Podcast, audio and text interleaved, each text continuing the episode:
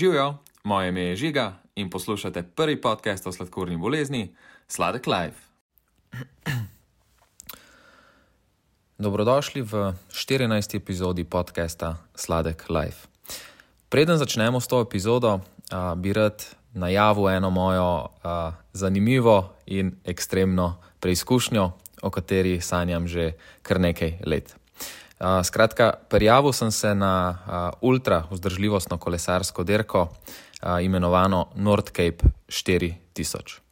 Uh, to je največja in najdaljša uh, vzdržljivostna kolesarska preizkušnja v Evropi. Kot že ime pove, je dolga 4000 km. Vodi skozi sedem različnih držav, to je Italija, Avstrija, Nemčija, Danska, Švedska, Finska in Norveška.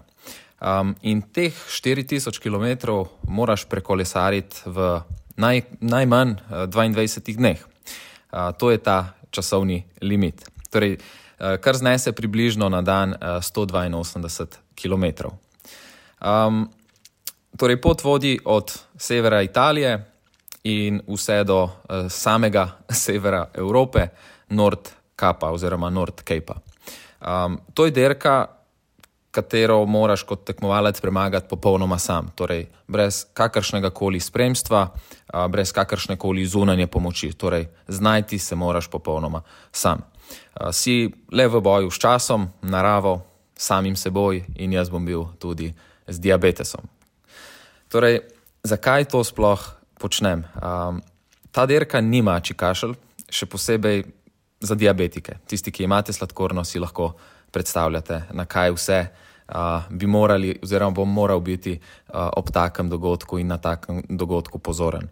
Um, no, zato je ta projekt namenjen ozaveščanju o sladkorni bolezni, razbijanju stigam, ki so žal še vedno močno prisotne v na, današnji družbi, um, in predvsem dokazovanju, da smo vsi enaki in zmožni uh, veliko več, kot si mislimo.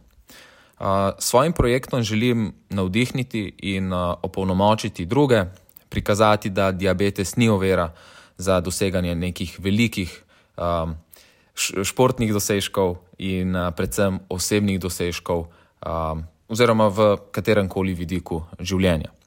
Prav tako uh, bomo skupaj zbirali sredstva za Type 1 International, to je mednarodna nevladna organizacija ki se zauzema za boljše pogoje in oskrbo diabetikov v nerazvitih državah.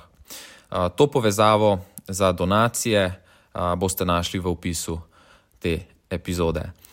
Vse moje dogodivščine, oziroma moj, moj trenažni proces in vse zanimivosti, ki se bodo pojavljale v tem procesu, in seveda tudi samo derko, ki se začenja 20.7.2024. Um, o tem vas bom obveščal uh, na mojem Facebook profilu, kjer sem naredil tudi dogodek, uh, prav tako z različnimi videi na uh, YouTube kanalu, kjer se lahko naročite. In uh, upam, da bo zabavno, hkrati pa tudi poučno in um, predvsem tudi motivacijsko.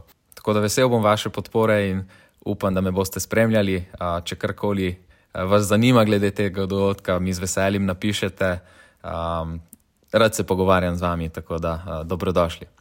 No, zdaj pa gremo nazaj na 14. epizodo uh, podcasta. Uh, danes se bomo podali v bistvu na potovanje uh, skozi življenje Janez Tonija. Janez, ki je svojo pot z diabetesom začel že pri sedmih letih, uh, torej leta 1988, bo z nami delil svoje bogate izkušnje in izzive, s katerimi se je srečal kot diabetik. Janes ni le izjemen bojevnik in sladkorček, ampak je tudi strokovnjak v svetu farmacije. Dolga leta je deloval kot klinični farmaceut na kliniki Golnik in bil vodja lekarne. Njegovo znanje in izkušnje so neizmerno dragocene, še posebej zato, ker je bil prvi oziroma med prvimi v Sloveniji, ki so začeli uporabljati inzulinsko črpalko. In to je bilo leta 2000. Janezovo življenje pa ni le um, omejeno na profesionalno pot, svojo strast najde tudi v alpinizmu in gorskem reševanju. Kot alpinist uh, in gorski reševalec, uh, nekoč celo reševalec s psom, je Janez doživel pet alpinističnih odprav v tuje gorstva, vključno z dvema obiskoma Peruja, dvakratno se je odpravil v Kirgizijo in na avanture v ZDA in Kanado. V tem podkastu bomo raziskali, kako Janez usklajuje svoje izzive z diabetesom, svojim profesionalnim in avanturističnim življenjem.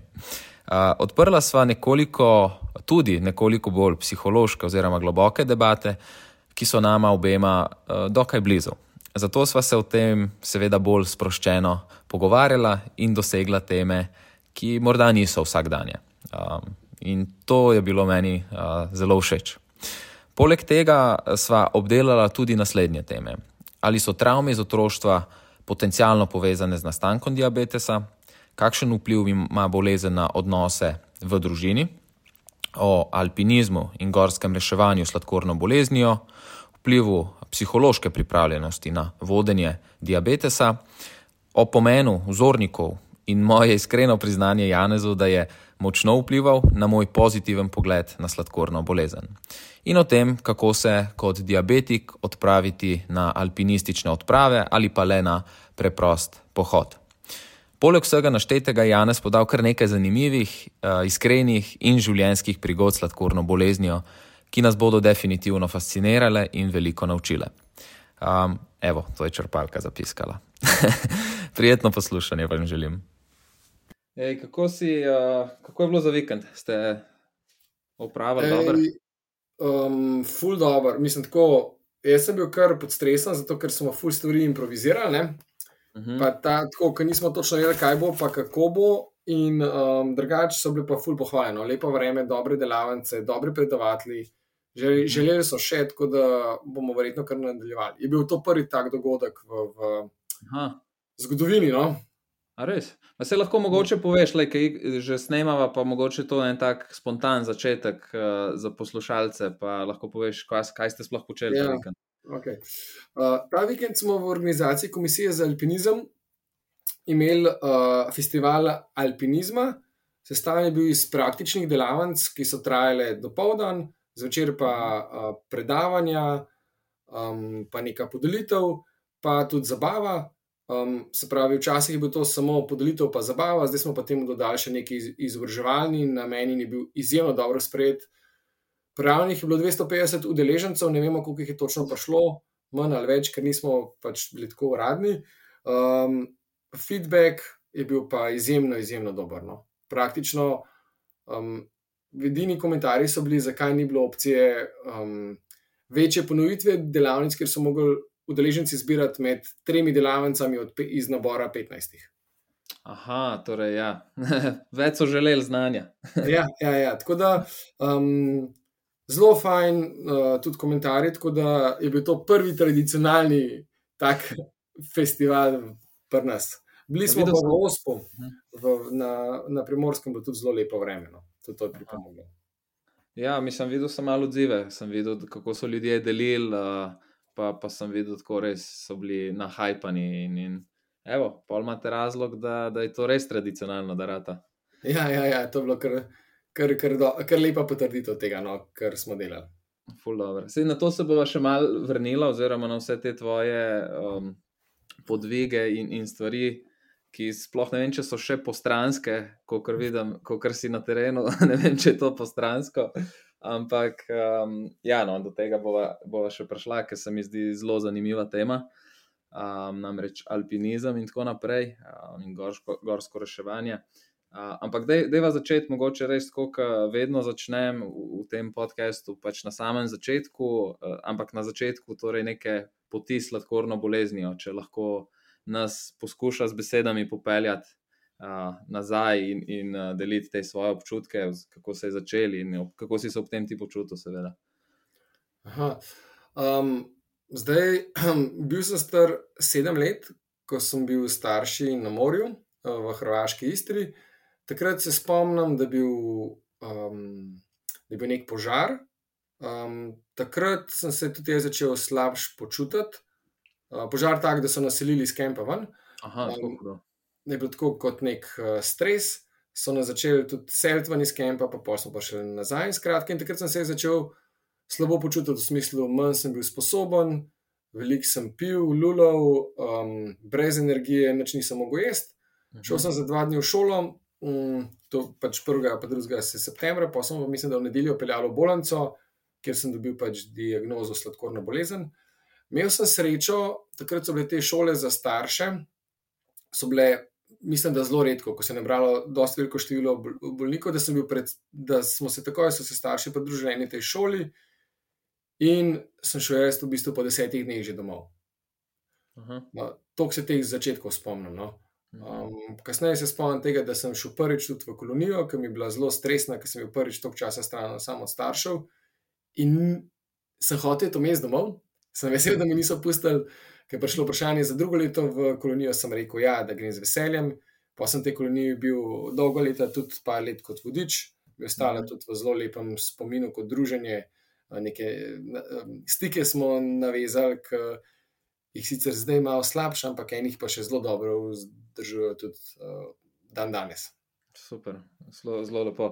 Um, škaj, se mogoče bi se še malo zadržal. Uh, tako, tako si povedal, kakor, da, to, da je bilo to min grede, da je v bistvu vsa ta sladkorna prišla, se je zgodila in si jo nekako uh, simpel sfuro. No? Ampak če bi zdaj vprašala midva enega starša ali pa enega mladega, ne vem, diabetika, ki je glih kar zbolel 14 dni nazaj. Uh, ne vem, če bi tako bili zadovoljni s tem, s tem sproščenim, lahkotnim odgovorom. Um, bolj si si zapomnil sam požar, kot to, da si zbolel uh, dejansko za sladkorno boleznijo. Ali je bilo res tako simpel vse skupaj, ali, ali, um, vem, ali, si, ali se je mogoče res po teh letih vse to skupaj malo potlačal, um, pa da si sam pozabil. E, ful dobro vprašanje. Zelo dobro vprašanje. Iskreno povedano, um, občutke pa čustva iz tega obdobja se sploh ne spomnim. Um, vem, da mi je bilo takrat hudo, uh mhm. -huh. ampak za res uh, vem tudi, da sem precej jokal v bolnici, takrat pa starši so jokali. Pa, um, ne vem, če skaj sta šla starša, s kakšnimi uh mhm. -huh. stiskami, pa travmami sta se ona takrat srečala. Jaz vem, da mi je bilo zelo naporno. To sem verjetno tudi zelo tako povedal, uh mhm. -huh. tehnično, ker je to, smo naučeni, da je to precej lažje. Ja, smo. Um, tudi, um, ne se potrdimo, da se jih uh, danes to snemamo, v bistvu 14. november, svetovni dan diabetesa. Tako da mogoče ima. Um, jaz, jaz sem danes par refleksij na hitro naredil, no, pa sem videl, v bistvu, da, da smo res to, kar si zdaj le povedal, da smo, če ne drugega, naučeni, oziroma se sami naučimo, ali nas drugi, ali nas skupnost, kako koli, da, da je res to zelo simpel stvar ne, na koncu. Uh, jo jemljemo tako, za, za min grede. Ampak, če pa res globoko pomisliš, pa zbrskaš v neke spomine, ki niso bili lahki, pa tako, kot si zdaj umenil, razni joki, staršev in diabetika samega, pa ni na koncu spet tako simpel. Um, Mislim, zagotovo ni tudi. Um, um, zdaj sam, ko se malo bolj s tem področjem ukvarjam, ugotavljam, da so lahko tudi avtoimune bolezni, bom rekel, samo lahko, povezane z nekimi travmami prej iz otroštva.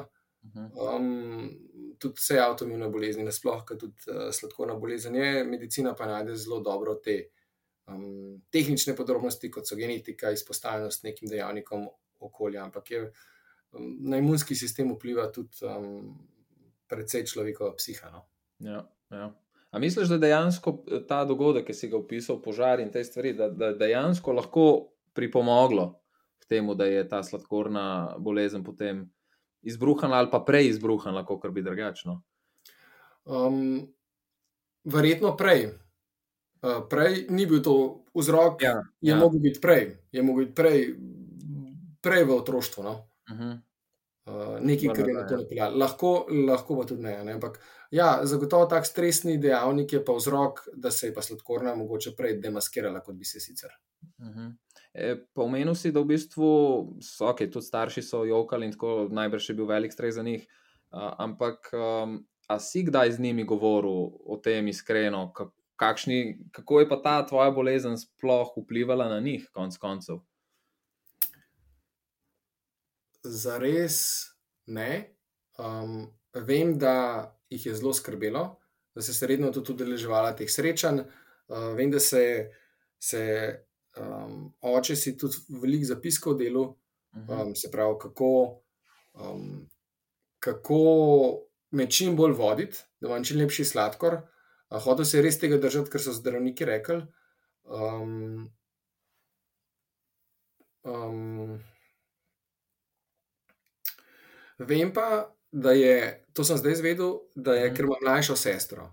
In da je oče takrat, ne bi v reviju Sladkorčki pisal, kakšen vpliv bo imel to, da imam jaz sladkorno in se starši nezavedno bolj ukvarjajo z mano, vplival na dojemanje tega strani mlajše sestre. Wow. Um, že takrat, pred, ne vem, koliko je to, pred dobrimi 30 leti. Mhm. Ampak zanimivo vprašanje. Tako, um, ne bi ga postavil na top prvih pet mest, uh, vprašanj staršev. Uh, ampak definitivno vpliva, ne? sicer to je zdaj malo, mislim, bolj psihološka potem narave. Ni, ni najbrž direktno povezano s sladkorno, ampak uh, veliko stvari se spremeni, se mi zdi, v sami družini. No? Uh, takrat, je Seveda, že ure se mora pri, prilagoditi, ne hote se nekdo bolj ukvarja z otrokom, če jih je več tistim, ki ima sladkorno in je zaradi tega lahko pri drugih uh, otrocih, um, se pravi pri njegovih bratih, sestrah, to drugače razumljeno, kot bi bilo sicer, če sladkorno ne bi imel. Tako da tega vsem um, je zelo pomembna tema no, in jo ne smemo zanemariti. Pri, um, jaz sicer nimam svojih ot otrok, da bi to govoril iz vlastnih izkušenj, ampak se mi zdi zelo pomembna tema, na katero bi, je potrebno biti pozoren pri, pri vzgoji. Ja, definitivno. Vidiš, tudi jaz v bistvu direktno ne bi pomislil, ampak je zelo, zelo zanimivo vprašanje za, za raziskati. No? Tudi za naprej se, si, si ga bom zapomnil, pa, pa ga malo bolj, bolj raziskal. No? Verjamem, da, da se veliko staršev srečuje s tem vprašanjem. Um, in, in ni tako lahko, kot ja, deluje na prvi pogled. Uh, čistko, min grede, no, če lahko kako je pa pol, potem res vplivalo, imaš kakšen občutek na, na uh, ukvarjanje s tabo in s tvojo sestro? Misliš, da je imelo kakšne dejansko posledice ta tvoja bolezen? Um, ja, ja, vem tudi iz direktnega pogovora z mojo sestro. Uh, vem tudi zaradi, um, lahko je to vplivalo, lahko tudi kaj drugega, to ne vem, ampak ja, um, uh, vem, da se je sestra takrat počutila, um, bom rekel, neenakovredno. No? Uh -huh. Če dobro mislim, da je tako razumela, tako bom rekel. Ja, ja. Če dobro pomislim, jaz imam namreč tudi dve mlajši sestri, smo v bistvu tako dost uh, drug za drugim, um, tako da smo podobne starosti. Uh, in je, lahko iskreno rečem, da, da imam tudi jaz tako občutek. No, da, in, in se spomnim, da so mi tudi kdaj omenile ali pa kdaj iz jeze rekle mami, očetu, kako koli, da jaz pa pač imam neke privilegije. Ne. Um, ja, jih ti nisi želel, ne? Ja, ne, ne, ne dejansko ne. Želel, dejansko. Ja. Isto debato sem jaz z mojo sestro, ki je tri leta mlajša. Sem rekel, jaz nikoli nisem želel tega privilegija imeti. Ker, ker v bistvu, ja, to je. Se mi zdi, da starši tako hočejo dobro vsem, in potem, ko vidijo, da si prikrajša na enem področju, ker sladkorna dejansko te prikrajša ne, na mnogih področjih, potem poskušajo, hote, ne hote, kakorkoli že, um, vsaj na drugem področju malo dvigati to pozornost ali pa tvojo srečo. Um, ampak ja, večinoma si to diabetiki ne želimo, ne? ker potem se spet počutimo you are special, ti si poseben in mi te, te, tega občutka sploh ne maramo, da si poseben, da si drugačen. Uh, ne, da si poseben, da si drugačen. To. Ja. To, to. Ja. In, in to je tako negativno vpliva potem tudi na odnose, tako kot sem rekel, te bližnje odnose, ne vem, s sestrami, mogoče z drugim staršem, kako koli. Do, dobro bi se bilo vprašati tudi, mogoče, kako taka bolezen vpliva na nek odnos staršev med sabo, konc koncev. Ne. Um, tudi ja, takrat se spomnim, da je bilo pač. Um, nekje sem takrat slišal, ampak to je bilo pač v 90-ih letih, da se nekajšni starši zaradi tega tudi zaradi medsebojnega obtoževanja, da je to pol tudi nek ja. ne vzrok, ampak bolj um, povod za razhod. No? Ja, ja zlo, lahko zelo, v, v, v, zelo globoko lahko pride, seže ta, ta bolezen, psihološki vidik um, in v različne pore zleze pač v bistvu uh, življenja. Cele družine, lahko tudi prijateljev, konec koncev. No. Um, glih, gostil sem prejšnji teden, se ta, ta epizoda bo tudi še objavljena. uh, eno punčko, 12 let staro, in mi je. Ker sem hotel videti, kako se jaz se spominjam, ti se spominjaš, ampak ni to isto. Jaz sem hotel direkt iz prve roke slišati, uh, kako se ona počuti pri teh letih. Uh -huh. Šest let ima namreč, šestega leta, torej zdaj 12, stara, ja, šest let ima to sladkorno. In mi je govorila, ja, kako so jo prijateljice doskrat izobšle. Iz rojstnih dnevov, iz ne vem, ko so se šle kaj igrati, um, karkoli tazga. In uh, velikrat skrivamo, mi te stvari ne povemo. Ali pa, ali pa v tistem trenutku smo mogoče, mogoče celo čutili te stvari, ampak pol se potlačijo nekako in jih rajš ne poveš, pozabiš. In, in, ampak to ostane nekje. Ne? Mislim, zagotovo je tukaj tudi nek občutek. Um...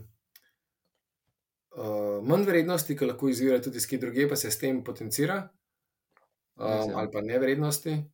Um, to je čisto zagotovo. In je s tem seš potem, se pravi, ta sama sladkorna še bolj vpliva na te negativne podobe o samem sebi. Ja. Zelo, zelo zanimiva tema. No? Um, in, in definitivno jo moramo vključiti tudi z nekom kakšen pogovor, ki je mogoče malo bolj strokovno izobražen, vsaj kot jaz ali pa mi dva, no, um, s kakšnim psihologom, ki je ta zgano, da, da se še teh tem dotaknemo, ker se mi zdi, da so še vedno mal tabu ali pa nekje zaprte. Če že jih rešujemo, jih rešujemo sami nekako znotraj, ampak na splošno se pa res ne govori veliko o tem. No. Ali pa z veliko alkohola, pa drugami, ali pa kakšno koli ja, drugo zasvojenje, tudi športom, ali pa z ja. alkoholom. ja, ja, ja, tudi, tudi, tudi, tudi, tudi. No, ja, mogoče bo še prišla kam tako, da je odkrila novega. Um, ok, da je še malo ostati, uh, mogoče ja, pri tem, pri sami sladkorni bolezni, pa na začetkih. Tudi omenil si mi, da si bil en izmed prvih v Sloveniji, ki si dobil inzulinsko črpalko. Kako se je pa to začelo? Pa, pa, a so bili kakšni pomisleki na samih začetkih, glede na to, da si bil prvi pismo? Jaz bi se počutil malo poskusnega zajčka. Um, ja, inzulinsko črpalko je takrat eh, pripeljal profesor Batelino. Uh, saj, ko sem jaz dojel, zdaj uh, celo zgodbe ne poznam. Vse uh -huh. pa jaz videl že, mislim, da dve leti prej na nekem taboru uh -huh. um, na Norveškem za mladostnike s sladkorno boleznijo. Jaz sem to videl pri, mislim, da pri Američanih, okay. uh, pri dveh iz Amerike in sta rekli, da je to noro. Potem je leta 2000 na, v koloniji prišel profesor Batelino um, iz Čoč. Uh, mislim, da dva, ki bi to sprobala. Uh -huh. uh, črpalko so vzela uh, Uro Šamon, uh, pa jaz. Uh, in ko mi je prvič to preklopil, jaz sem se počutil kot robokop. Ja. Okay, to, če za, za mlajše generacije pogledate si film ali pa še en klip. Um, Iron Man lahko zdaj rečemo, tisti, Iron Man, okay. Iron Man, uh, se pravi, nekaj, kar si skozi preklopljen gor in izbereš, če se ne moreš živeti. To je bilo meni ta prve dva dni zelo, zelo tako obremenjujoča misel, pa sem se pa navadil, zdaj mi je pa to um, pač nekaj, kar je del tebe. No? Um, takrat, uh, po pol je pa zelo hitro prišla tudi odobritev od ZZS. -ja. Uh, in od takrat jaz primerjam, recimo, življenje s sladkorno boleznijo, prečrpalko, pa počrpalki. Bom povedal, kako se je to razvilo. Mhm. Najprej sem imel injekcije dvakrat na dan to dojemam kot peš hoja. Injekcija mm. štirikrat na dan, bolj intenzivna terapija je bila kot vožnja s kolesom.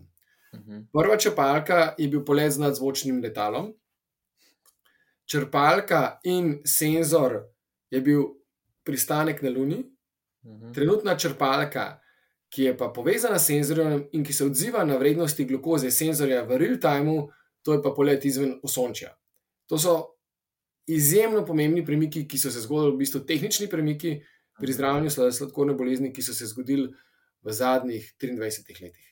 In za kar sem tudi jaz, vse znanosti, tehnologiji, zelo uh, hvaležen. Mm -hmm. Ampak, eh, da je mogoče povedati, jaz sem se zelo dolgo operil, če si iskren v črpalki. Um, samo iz, iz nekega sploh ne vem, kaj točno, ampak imel sem nek predsodek, ki je enostavno, nisem, nisem upal. Prvo, ta vizualen predsodek se mi zdi, no, da ne bom zgledal kot robot, kot si rekel. Um, druga stvar pa, ko sem slišal, ko sem malo sam raziskoval, da to vse čas teče inzulin, noter si to otrok ne zna čist pravilno predstavljati. Ne. Ker ti si bil navaden, da si daš injekcijo, ne vem, štirikrat, petkrat, mogoče šestkrat na dan. In uh, da je tisti. Da gre toliko inzulina, da imaš pod kontrolo nekako ta vnos inzulina.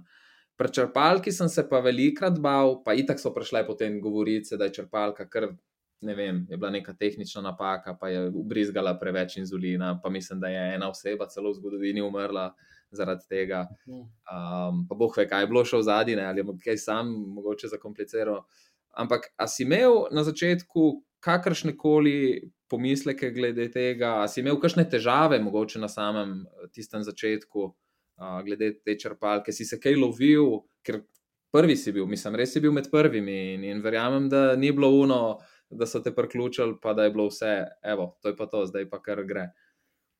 Um, zadržkov, ta, mislim, jaz take strahove se lahko kar poistovetim z njima, ne, ko se jih tudi navedo. Uh mhm. -huh. da, lahko se kaj zgodi, lahko črpalka, um, karkoli, ne lahko.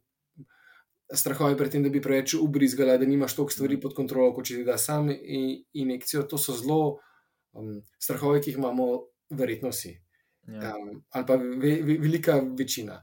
Jaz takrat um, tega pri meni to ni bilo tako izrazito, ker sem jaz to videl pri teh dveh uh, američanih mhm. in ki sta rekla, da je to res dobro. Zato sem se jaz tudi takoj odločil in mislim, da mi je takrat uh, urož precej več težav kot jaz. Mhm. Je pa res, da ne, kot nekdo prvič ali pa med prvimi v Sloveniji to dobiš. In ko to ustavljaš, lahko boli, ker noben še ni bil navaden tega, uh, Um, ne, tudi te eh, sprožilne naprave so bile precej slabše kot zdaj. Tudi. Ja. igle so bile verjetno debelejše, vse je bilo bolj okorno, tako da um, smo se vsi lovili. No? Mm -hmm. Ampak se yeah. tudi vsake stvari, ki prije neka novost, je to je strah, ta zelo razumljiv. Um, Mečke ne veš, kako bo, in tako naprej. No. Bila je tudi mm -hmm. velika podpora strani osebja uh, mm -hmm. v tem času. No. Mhm. Ja, mislim, jaz iskreno, uh, prvi teden se spomnim, ko sem dobil to črpalko, um, nisem dobro spal, Re, mislim, skoraj spal nisem, ker Aha. sem skozi meru, pretiraval sem z merjanjem in, in istak pol je pa stres delal, hormoni so delali in je bil sladkor katastrofalen. Sem rekel, poglej, ta črpalka mi sploh neč ne pomaga, sam stranje mi dela. Uh, in pa sem šel nazaj, celo na pene, vmes, sem črpalko na stran dal kaos je bil, pri meni je bil res kaos takrat. No. Sladkor bi mogel biti v bistvu lepši. Ja, itak, ne, to, ne. Ne, to, to ja, me ja. sam nategujejo, me vsi, ja, veš. Pač, da je nekaj mi to govor, dajte mi nazaj te eh, svinčnike in se bom jaz tem lepo špiko. Um, in, in sem, v bistvu sem v ta začaran krog padel, preveč sem si meril, uh, potem, uh, ker sem si preveč meril, ni, sploh nisem imel realne slike, koliko je sladkor, ker sem si jih na 10-15 minut, vse, se prav spomnim, se te prste sem imel čist prešpikane, grozno je bilo. Pa nikoli jih nisem imel, ampak v tistem obdobju pa ja.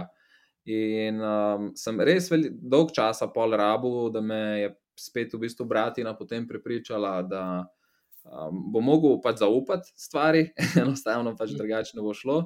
Um, Manjkrat meriti, ker še danes vidim, recimo v tej skupini na, na Facebooku, Sladkorčki brez meja, veliko ljudi nekako razloži situacijo, da si ful prevečkrat meri sladkor v dnevu. In to je, po mojem, mislim, te moje osebne izkušnje, to je največja napaka, ki jo lahko narediš. Ker to je tak stres za telo. Jaz se prav spomnim, meni je glavo skoraj razneslo takrat. No.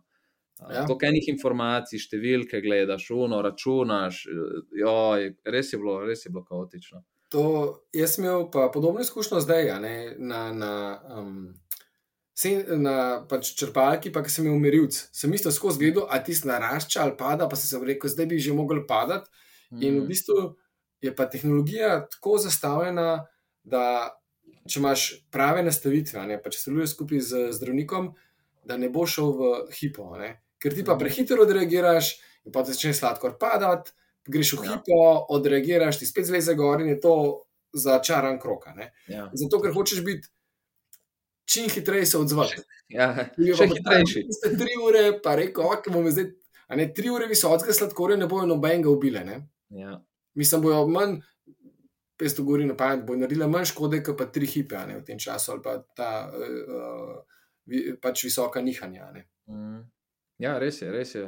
Um, mislim, to je, to je zelo ena pomembna stvar, no, če kdorkoli se sooča s temi težavami. Um, ne dvakrat zadiha, uh, malo zaupa stvarem, pa rajš, manj je več. No. Tudi pri sladkorni se mi zdi, da definitivno uh, v vseh stvareh no, uh, je manj, veliko več. No. Ker no, ne privoščam te situacije, v kateri sem jaz takrat bil, uh, komorkoli. No. Če pa kdo res v, trenutno v, v takem obdobju, pa pač mora zadihati, mora korak nazaj stopiti, pogledati malo večjo sliko. Um, pa še enkrat, ja, manj je več. No. Uh, tako da. Da je vas zdaj v bistvu um, iti na, malo na tvojo kariero. No? Uh, uh -huh. pa, pa me zanima, pa me zanima je, če je sploh sladkorna bolezen, ki je vplivala uh, na razvoj tvoje kariere. Oziroma, se lahko poveš, kaj sploh si v bistvu po poklicu. ja, po poklicu sem magister farmacije. Um, na samo izbiro študija, mislim, da niti ni. Uh, tam opcije, pa pol, pa splet okoliščin je bil med uh, uh, mednarodnimi odnosi, medicino in farmacijo, pa mikrobiologijo. Pa sem v bistvu po uh, letu, um, ki sem študiral na FDV-ju, prstal na farmaciji. Um, sama zaposlitev pa ja, je imela. Um, Delal sem veliko časa v eni od slovenskih bolnišnic, bil sem tudi vodja lekarne, Um, počutil sem se, da tam, če se mi je karkoli zgodilo, da bojo poskrbeli za me. No?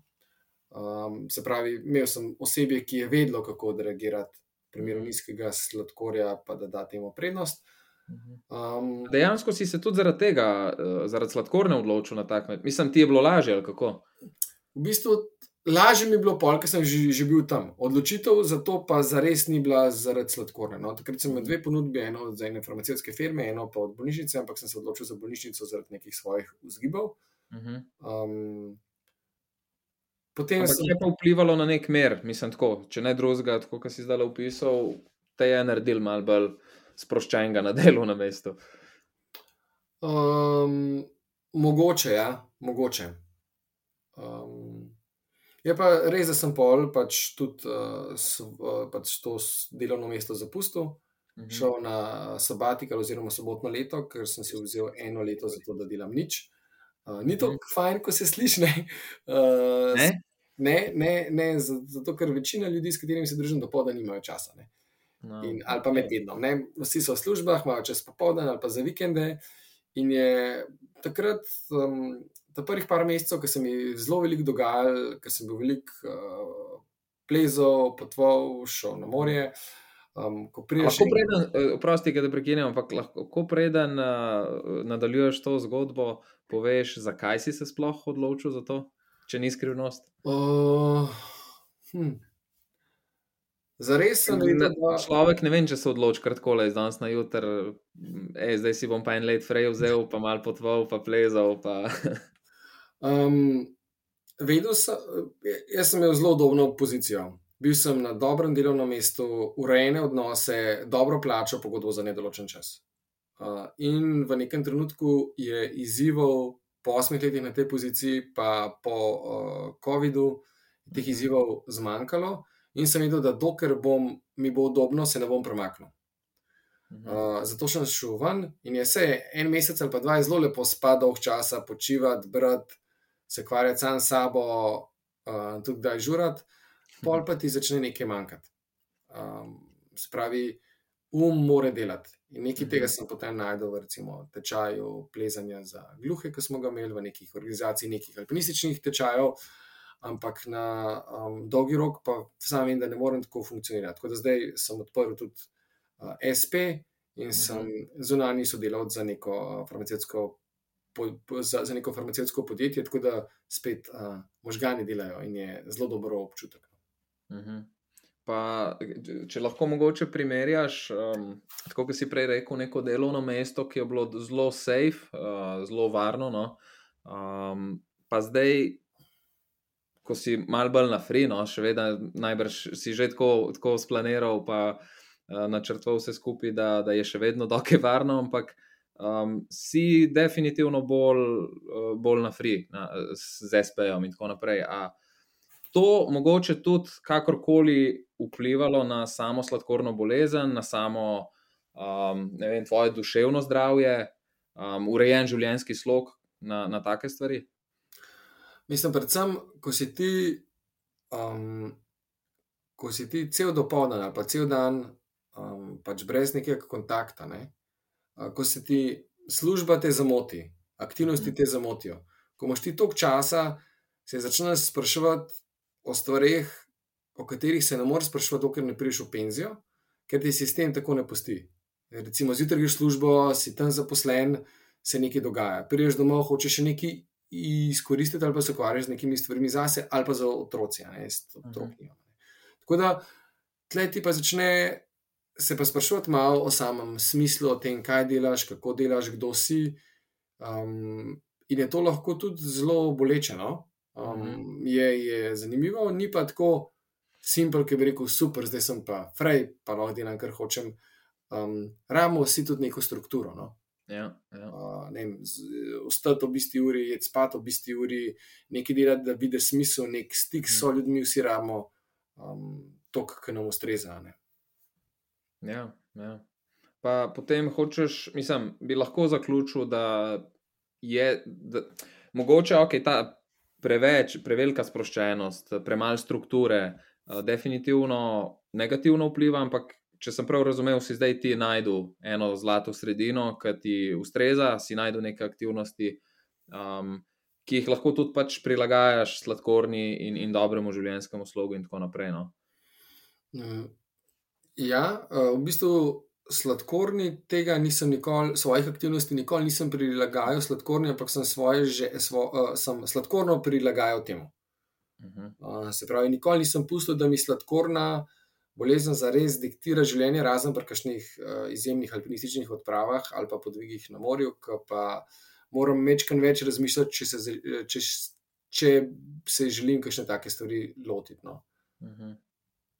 Ja, zelo zanimivo. No. Se, se to naj opele na naslednjo točko, ki si jo zdaj že parkrat omenil, alpinizem, pa potem bova šla tudi še recimo na gorsko reševanje. Kdaj si to začel, zakaj si to začel um, in kak, kakšni so bili ti začetki? No?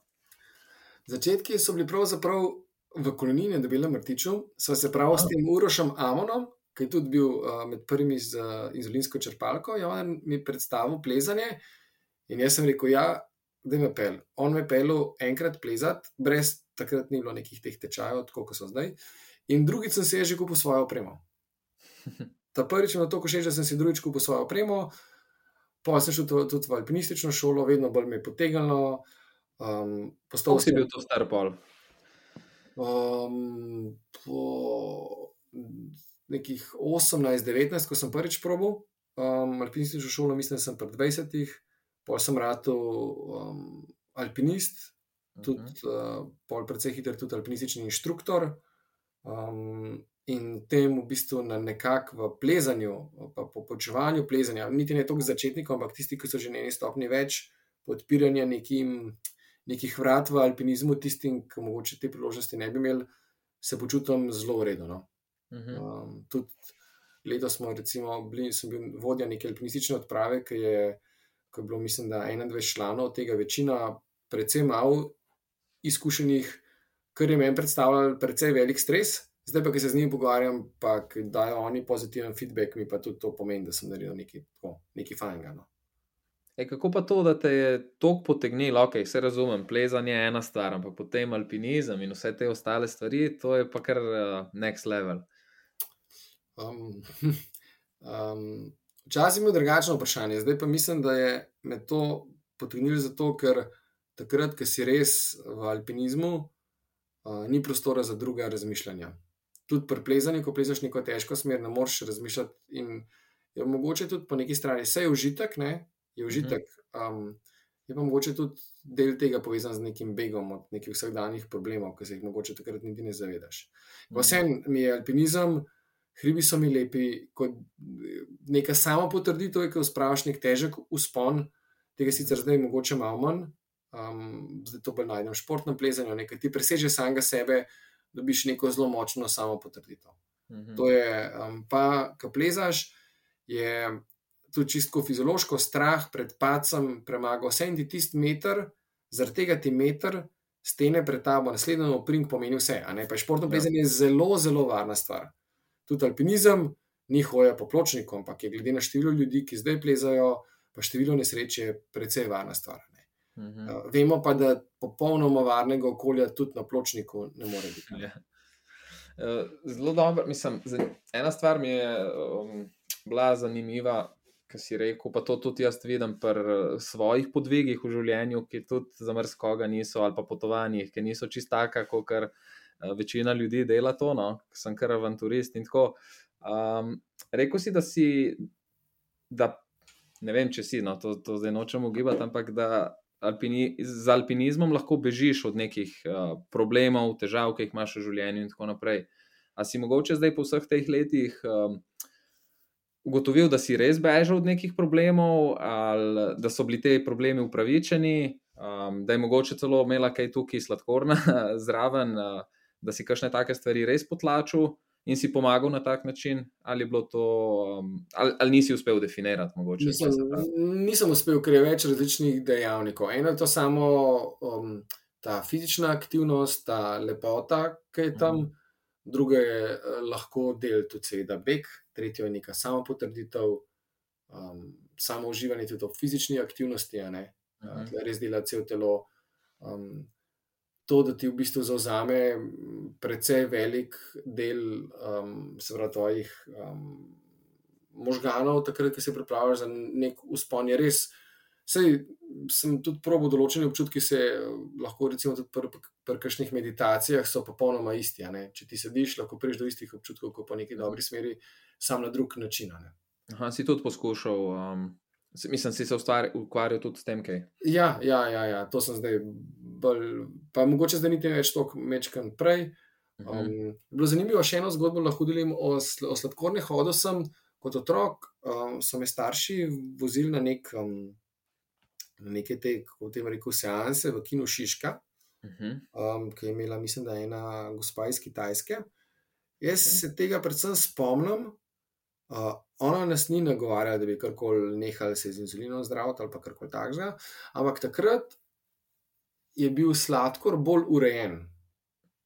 Uh mhm. -huh. Se pravi, sem to povezal s tem, da sem tam. Um, Ni bilo tako visokih sladkorjev, no? zdaj na glikiran hemoglobin ali pa to hip, jaz na glikiran hemoglobin takrat ne vem točno, kdaj je bilo in nimam niti podatkov, da bi pogledal za nazaj, ampak takrat sem imel občutek, da je sladkor mi manj niha. Okay. Ker je zagotovo povezano z nekim počutjem. Ne? Se vsemo, da smo pod stresom ali pa pred kakšnim mm. izpitom v šoli ali pa pol ali pa v službi, pred pomembnim sestankom ti lahko tukaj zraste. Uh -huh. A to si dal časa obiskov ali kako? Uh, mislim, da kakšno leto. No? Mm. To je bilo že, že precej nazaj. No. Kaj pa misliš, da je bil razlog, da, da je tako pozitivno vplivalo vse skupaj hmm. na sladkor? Zares, ne vem, očitno je nekako vplivalo na, na, na, na psiho, da sem bil takrat pomirjen. Pa ne vem mhm. točno zakaj. Pa ste se pogovarjali tam o, mislim, konkretno o sladkorni ali na splošno o psihičnem nekem zdravju in, in tako naprej? Niti ne, to so bile neke vodene vaje, uh, neki v smislu.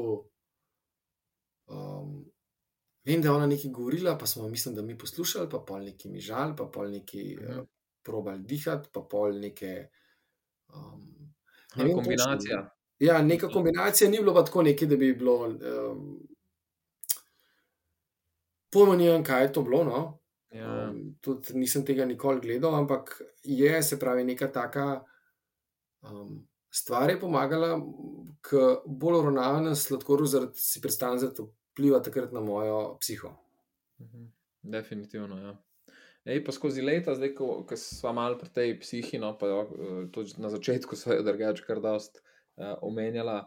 Um, Koliko verjameš, da se res da, oziroma kakšen delež um, vodenja sladkorne bolezni je lahko neka tvoja psihološka pripravljenost, oziroma zdaj na široko gledano, lahko je to samo umerjenost uh, in, in podobne stvari. Um, Koliko lahko to vpliva na, na vodenje in na sam sladkor v krvi? Um, jaz mislim, da se premalo zavedamo pomena tega. Uh mhm. -huh. Zdaj, jaz, jaz bi rekel, da je precej velik. Uh -huh. um, se pravi, če smo pomirjeni sami samo in s tem, kar je tudi sladkor lažje voditi, um, nas tudi te sladkori um, ne iztirijo. No? Uh, ni pa to tako lahko. Um, ja. Predvsej velik dela potrebnega, pa ni to iz danes na jutro. Zdaj rečemo, da smo pa v redu počutili in bo sladko. Ja, ja, ja. Ne, ne, ne, ni ni tle quick fixov. Mm. Uh, mislim, koliko let imaš, da je ti že v bistvu sladkorno? O, kaj je to, 35? Uh -huh. 35, ja. Ja, definitivno si, mislim, prvo, po mojem, ena prva faza, ki jo moramo, ki smo jo ali pa tisti, ki jo še bojo dal čez, da doživiš tudi kakšno sranje, ne, sladkorno boleznijo, da ni vse fino. Um, potem te to mal uh, okrepi, potem pa mislim, da pride ena druga faza, ki si jo pa zdaj ti omenjal, v bistvu. Um, mogoče najprej celo lahko nimam, nismo vsi ljudje isti, ampak iskanje nekega smisla, potem si odgovarjati, zakaj ta sladkorna spet premen. Um, in, in na koncu pač biti čisto zadovoljen s tem, kako je, jo sprejeti. Um, ker jaz, recimo, tudi pomagam tako malo, pa svetujem kakšnim staršem um, ali pa diabetikom, pa se pogovarjam z njimi. Veliko ljudi še kar um, zavrača to bolezen. No. Pač predolgo išče neke odgovore, ki jih v bistvu sploh za res ne bo dobil. Ne. Definitivno rabiš nek čas, da lahko razmišljaš o tem, ampak če to vlečeš po pet let, deset let, to pa definitivno ni zdravo. Zato te bo sam izčrpalo ne. in tvoj sladkor ne bo urejen takrat. Mislim, vsak ima tle um, svoje ozadje in svoje razloge, ne, in tudi svoj čas, ki je potreben, da se s čim sprijazne. Eni pač hitreje, eni kasneje. Jaz se s tem, zakaj imam sladkorno, sam pri sebi lahko povem samo mojo zgodbo. Uh mhm. -huh. Nisem zares ukvarjal. To je za me tako, kot moče iti vsak dan na VC. Ja, ja. To pač nekaj imaš. Um, še v srednji šoli sem se s tem, da sem lahko puncem kazal, ki imam pa zdaj, eh, pač kaj si jim zelim dajem. Uh, mi to ni bilo, ja, mogoče kdaj je bilo to um, malo tako.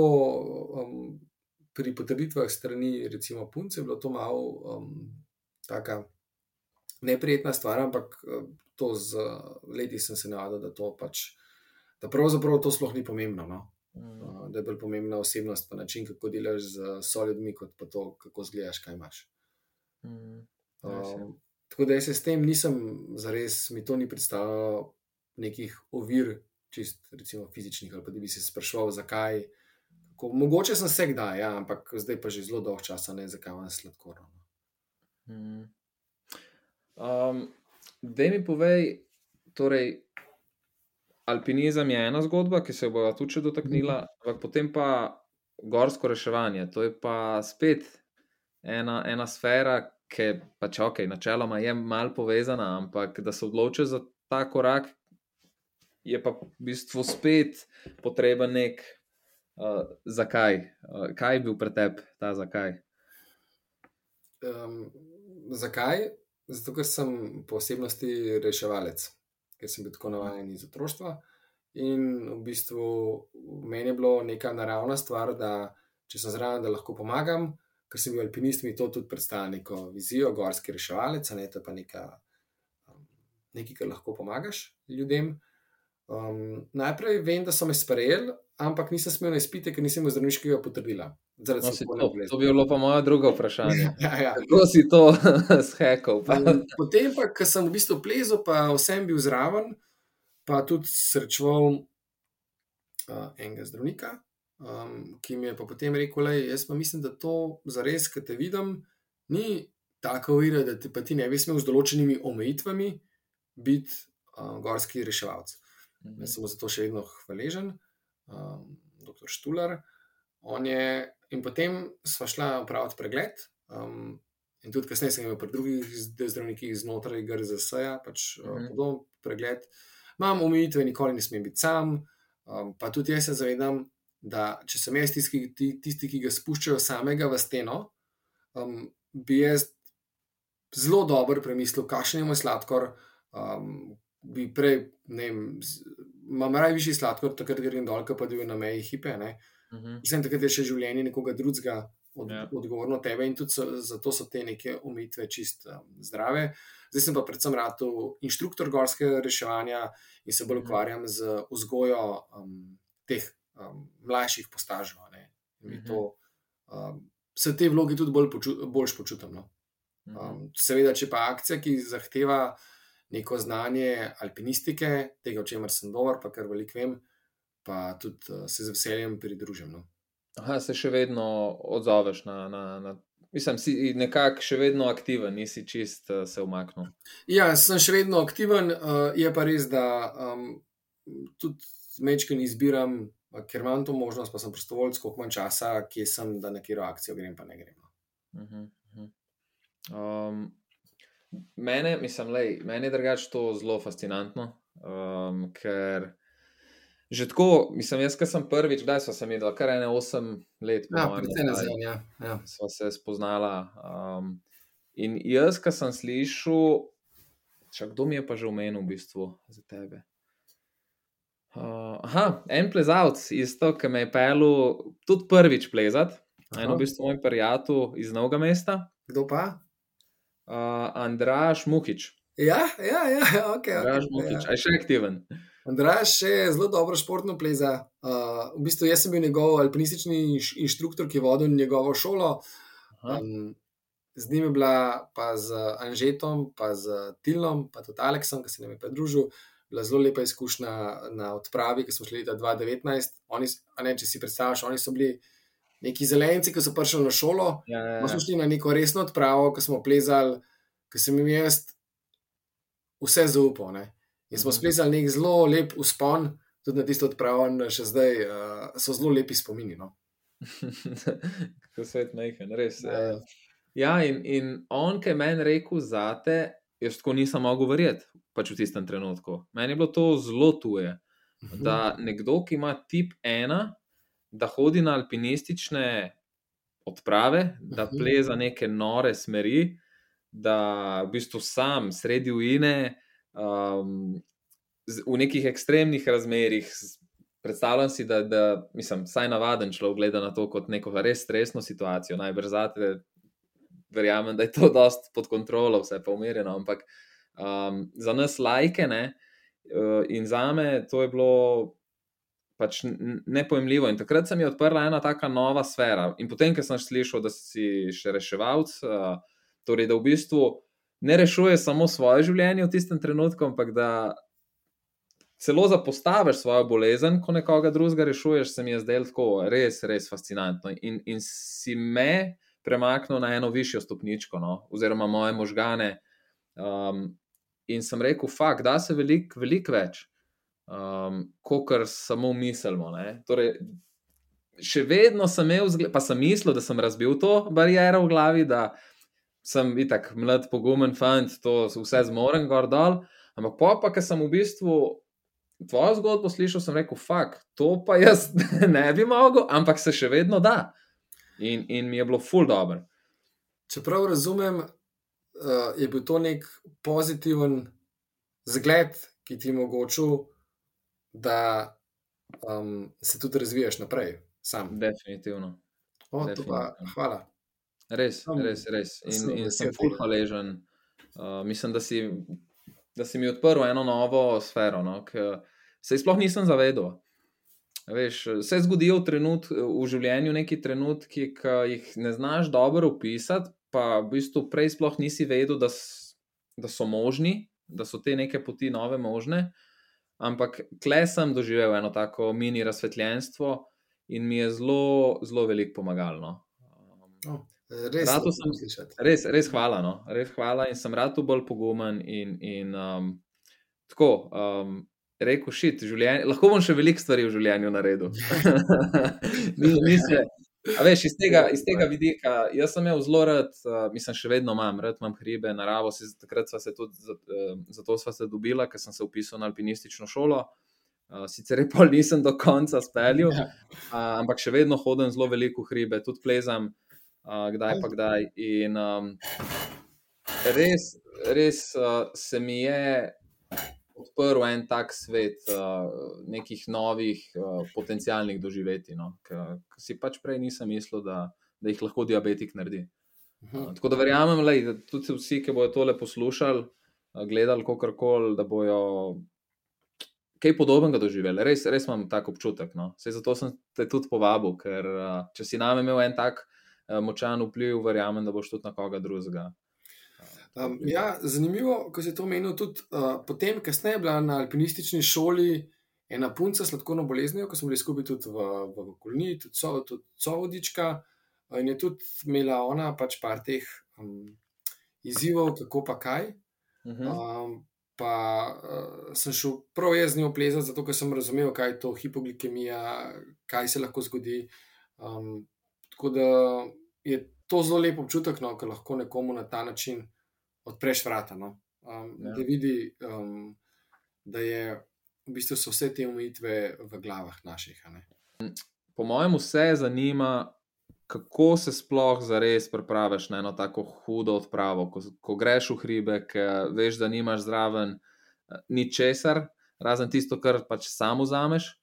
Um, kako zgleda, mogoče vem, dan prej, preden greš na eno tako stvar, uh, pa potem sama odprava. No? Uh, na kaj si pozoren, o čem moraš razmišljati. Um, kak, od, od, seveda od hrane do neke priprave, tako psihične. Um, kaj vse, kaj vse res rabiš ti narediti? Okay, mogoče ti zdaj prej, to se začne že recimo, takrat, ko se za to odločiš. a ne. Ko Mhm. se odločiš, da ga skom greš, pa kupite karte, takrat je že pač ok, imamo to. ne. Pol pa začneš razmišljati, koliko dni boš tam, koliko setov, pa rezervarjev, pa senzorjev rabaš, koliko inzulina rabaš. Uh -huh. koliko, če gre, če črpalka čr- crkne, koliko rabaš imeti peno s sabo, da boš lahko recimo prišel po neki normalni poti prej domov. a ne. Ali pa da boš prišel do kraja, kamor bo pa recimo nek DHL lahko dostavil črpalko. Uh -huh. Jaz imam navadno za trajanje odprave dvakratno število rezervarjev, setov in senzorjev s seboj, prav tako inzulin. Inzulin letos smo bili na, recimo, smo imeli bazni tabor na višini 3000 metrov, podnevi je bilo lahko na soncu precej vroče, tudi v šotoru, po noč pa ni bilo pod nulo. Tako da, um, pa sem mi je en uh, prijatelj pokazal zelo dobro stvar, se pravi, en del inzulina sem imel v šotoru, zavit v, um, v neko spalno vrečo, ki zelo dobro izolira. Se pravi, tudi če je bilo v šotoru vroče, je bilo tisto noter še vedno pač hladno. Uh, nisem imel nobenih hladilnih torb s sabo, nič. Aha. nič. Uh, del smo pa zakopali v tla, skoplješ luknjo, okay. obložiš kamni, daš čez kamne in tam je 10-12 stopinj. To je naravni hladilnik, to, ko se bo znal že v starih časih, ko so živeli zunaj ali pa kje na kmetijah, še vedno ne rabiš nobene elektrike za res. Me pa skrbi, kaj bi se zgodilo, če bi recimo črpalka crkala. Nimam rezervne črpalke. Um, se ti je že kdaj to zgodilo? Da si imel, mislim, da ti je črpalka prav crkana. Ja, prijem do tega. Prijem. Zdaj se vrnem še nazaj. Ja, problem so tudi hipoglikemije. Uh -huh. Jaz sem stvari za hipoglikemijo sem imel toliko velik sabo, da je bilo par kil, so bili samo, mislim, par kil. Imel sem precej gelov, pa tam sem kupil Coca-Cola, da sem jih imel sabo za primer hipe. In tiste Coca-Cole so vsi vedeli, da so moje, da se jih ne smejo takant. In sem jih pol tam, ker sem ostal, sem jih razdelil med tisto lokalno prebivalstvo, tam, da jih nisem nazaj tovoril. Tudi sem bil pripravljen plačati več za konja, samo zato, da bi za me nesel stvari gor. Ampak to vzameš v zakup. Um, in če dobro razmisliš, ni problema. Sem tudi odkril enega, mislim, da je bil Romun, ki je plezel na 8000 čake, z njim so se tudi nekaj mailala, kako ima on te stvari. Uh, žal je pokojnik, ker je izginil na enem 8000 čakov, ampak ja, on mi takrat tudi malo pomagal, ko sem se pa pripravil na en 7000 čak, kaj pa kako. A pa je tudi imel sladkorno on. Tudi sladkorno bolezen imel. Ja, ja, ja. Um, kaj se mi pa zgodilo enkrat, ko sem plezel pri nas v hribih? Mm, nekje na, to je bilo v steni šit nad Tamarjem, stena visoka 500 metrov, smer je dolga nekaj 700 metrov, ker je juga. No, v tretjini bilo nas je pet, jaz sem vodil dva začetnika, pa kolega je vodil eno začetnico tudi. In sem jaz opazil, da imam celko precvikano. Ne, se pravi, citno sem celko od črpalke, sem se nekam usedel, pritisnil s kladivom na celko, pa na skalo in se celka precvikala. Mhm. Zolin sem pozabil pa spodaj v avto. Ne. Oh, Pač pene, ja. In kaj je, noč plezali smo naprej, jaz sem skozi bil žučen, ja, fuk, kaj pa če se mi zdaj karkoli, a ne, imel ketovci dozo. No. Prijemo na si vrh. Koliko si imel v planu, da, se, da bo trajalo vse skupaj od tega trenutka, ki si ugotovil? Nisem razmišljal, sam vedel sem, da moramo čim prej priti ven, in ker sta ule dva pred nami bila malo bolj počasna, sem bil zelo, še bolj živčen. Ja, itak. Ja. Ko smo prišli na rob stene, smo se odločili, da ne gremo uh, desno, ampak gremo proti vršiču, da ne sprijo prijatelji iskati. Ne, in mi smo zabluzili neko rušje, oni sploh niso vedeli, kaj se lahko z mano zgodi, pa nisem hotel klicati GRS-ja. Kot reševalc, tudi ne, moj ego potreba potem, da sam stvari rešim. Ha, potreba, ok, to mi zdaj zanimivo zaradi še drugega, ampak ne bom pom pomoči klical. Pa sta prišla dva prijatelja, sem jim dal tudi svoj ruzak, nasprotno pa sem me pelal, jaz sem rekel, nočem bolence, um, grem domov, bom zrihtel sama. Ne. Ena kolegica zdravnica jih je hotela pripričati, da me na jesenice peljajo, sem rekel, ne, samo domov. Prišel si- domov. Si že zvedel, ne, nisi vedel, koliko imaš sladkorja. Ne, vedel sem, da sem ketovci dozi, če sem bil brez inzulina. Ne, to meni, in... Koliko časa si pa bil, no, ker, ker si. Zdaj ne vem, jaz sem pol tisto celko tudi neki skrb stisnil, pa da je črpalka dovajala, pa ne vem zdaj, koliko tega je šlo dejansko noter, a veš, koliko je šlo Ja. pod kože. Ne morem vedeti točno. Ne. Um, Ampak in- staj to, da si predstavljamo, kaj je bilo to. Dve, tri, mislim, dobro. Ne, to je bilo, Ne moreš v treh urah doživeti. Ne? po mojem, desetih do šestih, sedmih zvečer. Ja. Uh, Potem sem bil, po mojem, okoli osmih doma, vmes sem, uh, bruhal sem enkrat na poti uh, na avtocesti, drugič sem bruhal doma pred vrati. Uh, Potem sem si inzulin dal in v bistvu drugi dan sem bil pol, približno ok, mislim, da sem šlo v službo. Pol, lahko sem bil čist. Je bilo treba? Ja, to je bilo treba, ni bilo ali, ali bilo bolni. Ja, mislim, da sem šel v službo, celo, ja. pol, sicer pol ob 11, ampak ok.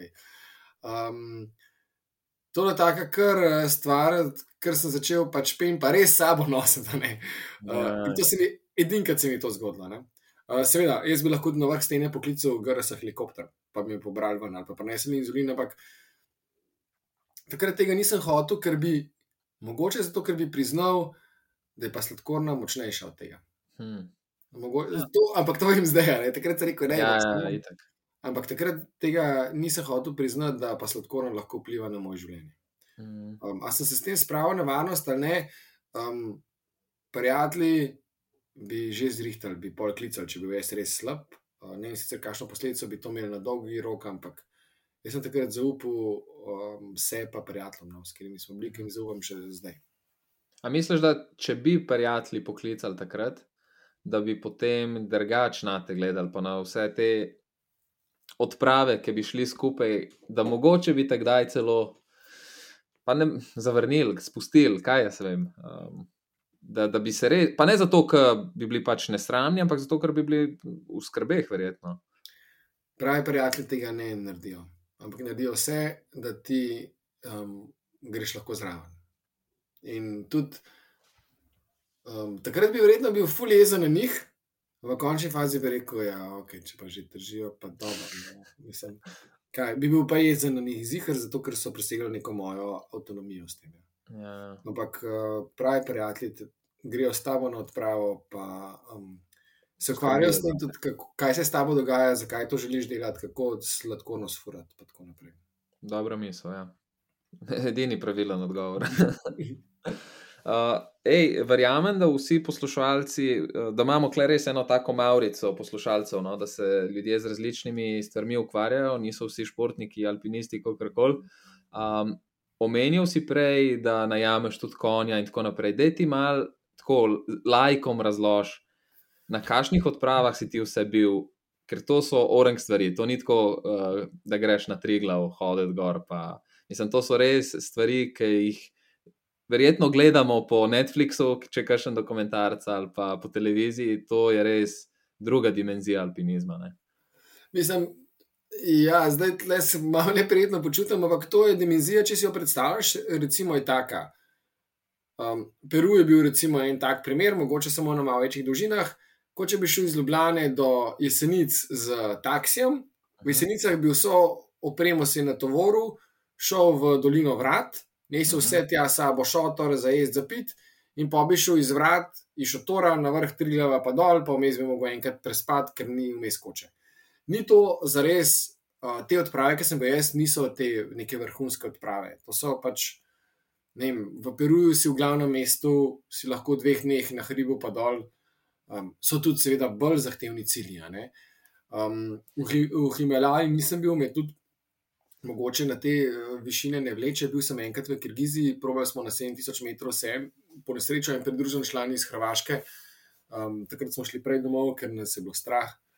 Um, to odpravo ZDA Kanadi je bila zelo udobna. Pač tam, ko smo šotor, bilo tri ure stran od avta, pa še dve uri, pa si v civilizaciji, uh -huh. lahko dobiš karkoli rabaš. Um, se pravi, takrat sem bil v Peruju, uh, pol enkrat v Kirgiziji, 2014, pa ZDA Kanada, pa letos tudi v Kirgiziji na enem drugem delu. To je pa tako, da v bistvu smo se kar dolg časa vozili do zadnjega naselja, ker seveda nimaš vsega obdobja, ne moreš dobiti hrane, ki si jo zaželiš. No, to. ljudje ne znajo angliško. Ne? Um, Mhm.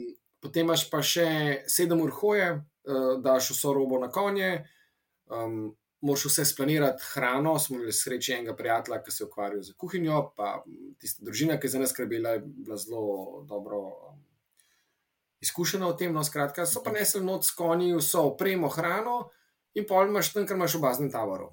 Uh, ni pa signala, mobilnega telefona, ja. tako da je, je to kar lahko um, za koga malo nenavadno. In tam si s tisto ekipo, s katero prideš, zdaj eni so boljši prijatelji, eni slabši, z enimi se boljše razumeš, z enimi ne, vsak ima svoje osebne stiske.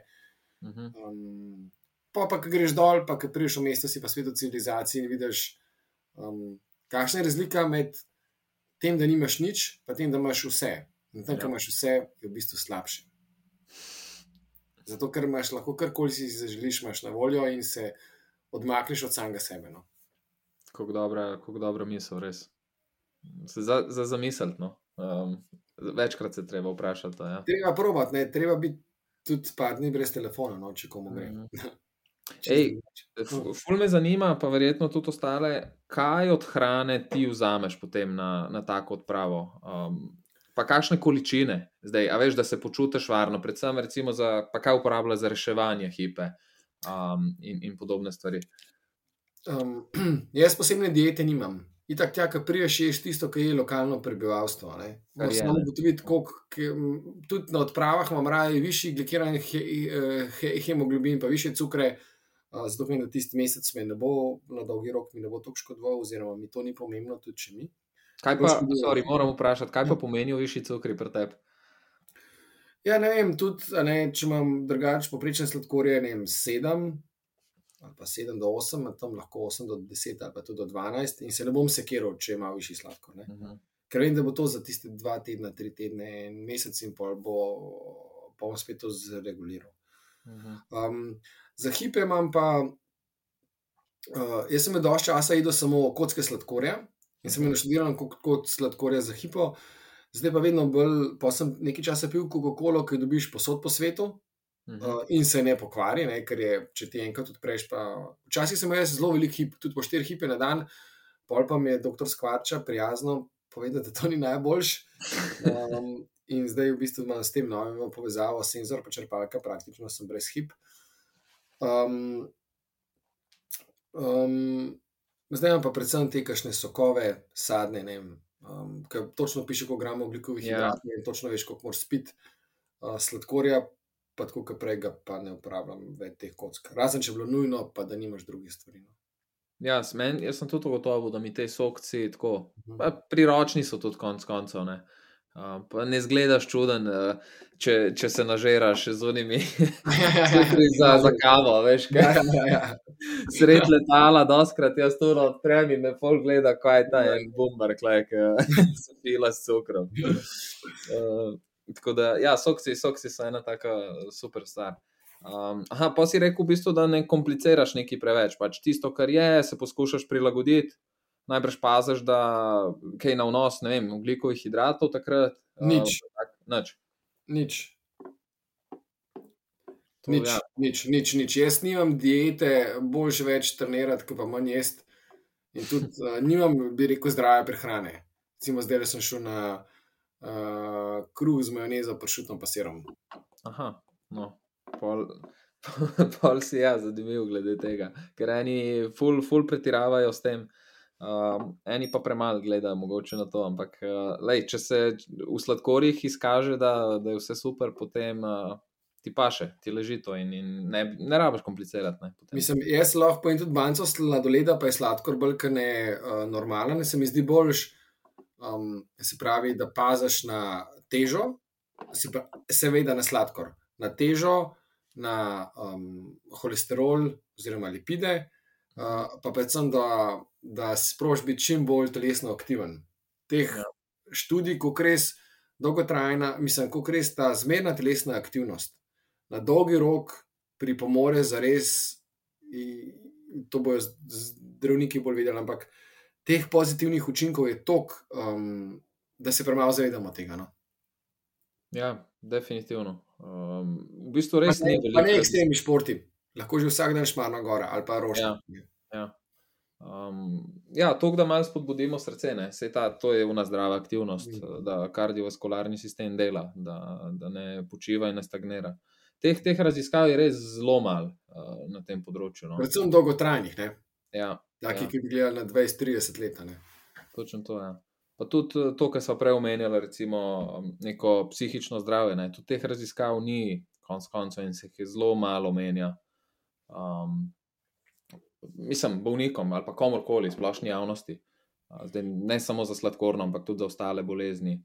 Um, sta te dve področji, ki sta v bistvu najmanj raziskani, se mi zdi, uh, ne vem, no, če ti tako misliš, ampak se mi zdi, da res um, veliko vplivajo na, na bolezni. Mislim, se pravi, sama fizična aktivnost, pa dobro psihično počutje, gre sta malo z roko v roki. Ja. Um, In oboje zelo pripomore. Tudi zelo težko, saj na način uh, raziskav, kot se večina raziskav pelje, saj tisti, ki ga poznam jaz iz uh, farmacije, um, ne poznam pa zagotovo ne vsega, je tudi zelo težko dobiti take dolgoročne podatke. Uh, najlažje je dati skupini bolnikov eno zdravilo, pa skupini bolnikov drugo zdravilo, in pa gledati, kje je zdravilo boljše v roku enega leta. Ker točno ja, ja. imaš naprej um, izmerjene stvari, ampak kako dobro pa človekovo psihološko zdravje, travme iz preteklosti, nerešene travme iz preteklosti, vplivajo na počutje, kako to vpliva na sladkor, kako to vpliva na glikiran hemoglobin preko sladkorja. Ne? Tega to je pa v bistvu izjemno težko dobiti.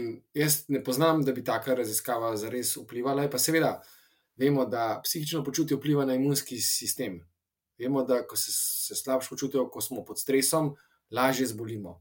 Mm. Sladkorna je povezana z imunskim odzivom, um, ali pa reumatoidni artritis in podobne bolezni. Ja, ja. Tega pa, mislim, premalo vem, da bi lahko ocenil, kakšne raziskave so in kakšne niso. No. Ja, ampak lahko pa govoriva, mislim, mislim, da oba iz nekih lastnih izkušenj. Pa v bistvu to, pa to klet mava že to sladkorno, da smo različne tehnike, različne načine sprobala in videla v določenih situacijah, kako vplivajo na samo sladkorno, in, in se to zelo hitro na grafu vidi. Če ja, ja, ja, ja. je zelo hitro jasno, ali je ta situacija kaj vplivala ali ni. Ja, ja, to je res. Ja. Um, ampak, hej, veš, kaj sem te še prej hotel vprašati? Mm. Ko si ti na steni, um, a si ti že kdaj zgodil, da ti je padel sladkor, ko si plezel dejansko nekje, ko si bil, da, da je v bistvu tako, tako neugodna situacija, da ni lošten gor, da ti recimo, se taka stvar zgodi. Mislim, da je v teh športno-plezalnih smereh, v športnem plezanju, to je precej enostavno, ker ti si 10 minut v steni in pa prideš dol in takrat vidiš, predno greš, da ti sladkor pada ali raste. Ja, ja ko si ti, recimo, plesati v Trilovsko severno steno, ki to traja cel dan. Pa predvsem med samim, uh, najprej sem se naučil, da mi sladkor, potem, ko štartaš od avta, daš na sebe ruzak z opremo in začneš hitro hoditi, ne, ker se ne greš počasi, ker se ti ne bi. Um, sladkor pade. Ne. To sem začel tako rešiti, da uh, moram prej spiti neko sladko pijačo, pa nekaj pojesti. Ne pa da si se seveda začasni bolus oziroma začasni bazalni nastaviti na uh, višji nivo. Mislim, da to vse rešujem kar začasnim uh, bazalnim, ki ga dve uri prej um, nastavim na višji nivo, zdaj če mi vrata vedno. Um, pa računam, da imam recimo za nekih 8 hipoglikemij stvari s sabo, pa jih nikoli ni toliko, sta dve ali tri. Uh, med samim plezanjem pa je to, uh, se pravi, plezanje, kjer si res malo bolj na rokah kot na nogah, ni tako tak, uh, tak, uh, porabnih sladkorjev kot je hoja ali pa teka, ne? ali pa kolo, predvsem manjši. In takrat pa v bistvu sladkor, sploh če sem malo žučen, mi kvečemo naraste, kot pa pade. Uh, je pa res, da tudi gremo kdaj tudi um, cel dan brez hrane, res ne, ne imaš recimo za 8 ur mašen, mašeno ploščico, ker, pa, pa ne zato, ampak enostavno si to knoter, tudi ne nošeš to k sabo, ne za cel dan plezanja imaš liter vode, ne moreš imeti 5 litrov sabo, ker če ne bi bil še bolj počasen. To, ampak ja. to je naš organizem, bom rekel, ni zdravo, uh, so pa pač smo pa navajeni tega. No. Mhm. Torej, tudi po vem, osmih urah, ki ne ješ nekega, vsaj približno normalnega obroka, um, ne čutiš nekih hudih sprememb v, v sladkorju. Uh, mislim, niti ne. Mislim, ja, so, so zagotovo spremembe, ki nimaš, ki porabljaš svoje zaloge. Um, lahko, poli, če ti gre gor zaradi tvoje živčnosti, pa da črpalka odreagira sama, ti lahko preveč pade, ker imaš prazne rezerve. Ja, to ja. Um, to ja. Ali pa recimo si živčen, pa nisi pozoren, pa imaš full časa visok sladkor. Ja, na, to že vpliva, ampak, uh mhm. -huh. pa, ampak sem se tega že navadil. No. Uh mhm. -huh. Pa si še vedno, ko si prej omenil stres, si še vedno um, živčen, ko greš na kakšne stene. Tako, mislim, definitivno si se navadil skozi leta in si malo umiril te stvari, ampak a obstaja še kaj, une prisotne. Take straho spoštovanja, ali kako bi temu rekel. Ampak takega strahu spoštovanja zdaj govorim, ki dviguje, recimo, ta sladkor. Um, zdaj sem se tudi sam malo bolj umiril. Ja, zagotovo pa če nek detalj tam, ki ne vem, kako bo šlo čez. Ja, pa če se že prej dan v stres, ja, itak, to bi pa ne bil sladkor. Ne. To, je, mhm. to je neko tako um, stvar, ki te na dolgi rok tudi ohranja pri življenju. Ti, ja. da brez straha ostane, ja, kaj so mi cari, ne. Ja, Takrat se ja. ti jih lahko naredi. Pa ne, da bi te bilo strah, ampak da si pač pozoren na te stvari, ki se dogajajo. To zdaj veliko lažje obrnem, če neki ni. Um, recimo letos polet smo obračali na te odprave v Kirgiziji, nekaj gospodine, ki smo ga zelo želeli, ki smo zelo veliko delali za to, ker so enostavno tisti pred nami na metal kup kamna in se nismo počutili dobro, da bi bili za njimi in pol nismo več, niti, jaz nisem niti, niti več probo in uh mhm. -huh. ja, se zgodi. Ja. Opažam, da imate alpinisti, plezalci tako ful, dobro razdeljeno to uh, ali pa postavljeno mejo, ki je res, res imate v nulo to. No? Točno veste, če boste prečkali, to ne bo dobro in ne greste čez to. Zelo, mislim, res vse, kar sem spoznal, um, ne hodijo sploh po, po uni tanki črti. Mm. Ali pa ti je drugače? Drugač. Jaz sem tle kar drugačen. Vsak ima to mejo varnosti, ima malo drugače postavljeno. Hmm. Jaz sem bolj na varni strani in mi to kdaj ni všeč, um, ker hočem imeti vse pod kontrolo. Zdaj počasi prehajam iz tega, da tudi če nimam vsega pod kontrolo, se mi ne bo nič zgodilo. Um, so pa tudi tisti, ki grejo pa mogoče malo bolj, saj meni se zdi lahko miselno, imajo pa svoje razloge, ki so utemeljeni. Zagotovo pa tako, kot pri vožnji, um, varne vožnje z avtom, za res ni me, jaz ja. nisem samo od sebe odvisen. Jaz vedno bolj, tudi ko se te nesreče dogajajo, to je zdaj malo izven okvira sladkorne. Um, pred kar nekaj prijateljev sem že izgubil v hribih, ampak vse smo jih vsi, ampak ne v hribih tudi. Ne? Um, bolj verjamem v neko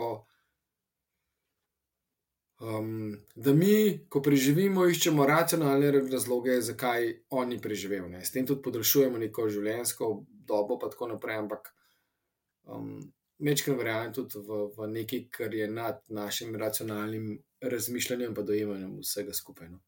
Hmm. Um, mislim, da se ne bom sprašval, ali pa da se ne sprašujem jaz. Uh... Edini, ko si rekel, da, var, da ti hodiš po varni strani, je pač uh, za me, ki res spoštujem sam alpinizem, pa verjamem, da tudi vsi ostali, ki niso tako vešči, se težko rečemo, da hodiš po varni strani. No? Ampak uh, verjamem, da ko, ko si ti enkrat tako izobražen, naučen, um, da je potem to, kar naenkrat potem rata zelo, zelo varna stran. To je vse, to je tako, nek, jaz primerjam to z sladkorjem. Ne? Če imaš ti sladkorja skozi 15, boš čutil hipo per 10. To je verjetno vsak od poslušalcev sam že začutil. Ne? Če imaš pa ti sladkor 6, boš čutil hipo pa per 3,5. Ja. In tako isto z alpinizmom, to, kar si ti navaden, pa to, ki izkušen, kam imaš, pa tako, kot to dojemaš, ti bo neka stvar lahko zelo domača, ker se bo enemu zdela pa ekstremna. Mm. In vse je pri sladkorju, pa pri alpinizmu, pa pri vseh stvarih v življenju to uh, čisto normalno. Ne. Ni pa to, seveda, ni pa to hoja po pločniku, alpinizem. Ne. E, moram te vprašati, na katera je bila najvišja točka, na kateri si stal na tej zemlji? Um, točka, hm. točka, verjetno nek vrh v Peruju 5800-5900, višina pa m, sem bil verjetno, ne vem, sem bil na 600 ali ne, prav, ne na vrhu, ampak na, na, na točki, ampak mislim, da ne, mislim 5800 ali 5900. Wow, um, zdaj pa je vam mogoče en tak praktičen, uporaben nasvet. Um, za vse, ki bi, ki bi radi sladkorno šli v hribe, pa rečemo, ajde, mogoče eno tako malo bolj uh, resno za lajka odpravo, rečemo en triglav, če bi rad to svojil. Um, kakšne neke nasvete bi jim dal, no? ko načrtujejo, pa potem tudi um, na sam dan odprave na, na vrh. Uh, predvsem je to, da nekdo osvoji triglav pa nima potrebnih izkušenj, je to zelo dolgotrajni postopek. In več, ko bodo poslušalci neko stvar delali, se pravi, hodili v hribe, spoznali samega sebe, kako se odreagira sladkor, uh Mhm. -huh. dobili potrebne izkušnje, tudi potrebno opremo, bolj bodo samostojni pri tem. Ne. Vedno jim ostaja tudi možnost najema gorskega vodnika, uh, ki jih bo pač za to ustrezno pripravil in bodo tudi pri njemu varni. Tudi poznajo, ukrep, kako ukrepati pri sladkorni bolezni, v primeru hipoglikemije, ker grejo čez neko to izobraževanje in tam so pa v bistvu prepustijo odgovornost uh, vse njemu. Um, vedno bolj, a ne recimo, začnejo z rožnikom ali pa šmarno goro, Mm. pa grejo potem naprej, ne če so tle iz okolice Ljubljane, ne kar tako iz kavča na Triglava. ne. Ja, ja. Um, takrat pa v bistvu, polk se že tako spoznajo, vejo, kako bo sladkor odreagiral na pot, na, na hrbtnik. Skočijo se da tudi vse zmeniti, če želijo kakšno prehrano, čeprav meni se zdi posebna prehrana. Ni več potrebno. No? Uh, se imamo pač te stvari, ki se, če se zelo dobro poznaš, veš, kako telo odreagira. ne. Pri tipu ena bi jaz mogoče en disclaimer. ena, ja, ja, ja, okay, En pri, disclaimer. ja, ena, ja, pardon, ja, pardon, ja. Dvojko se, ja, se mi zdi, da, da je še kar zelo.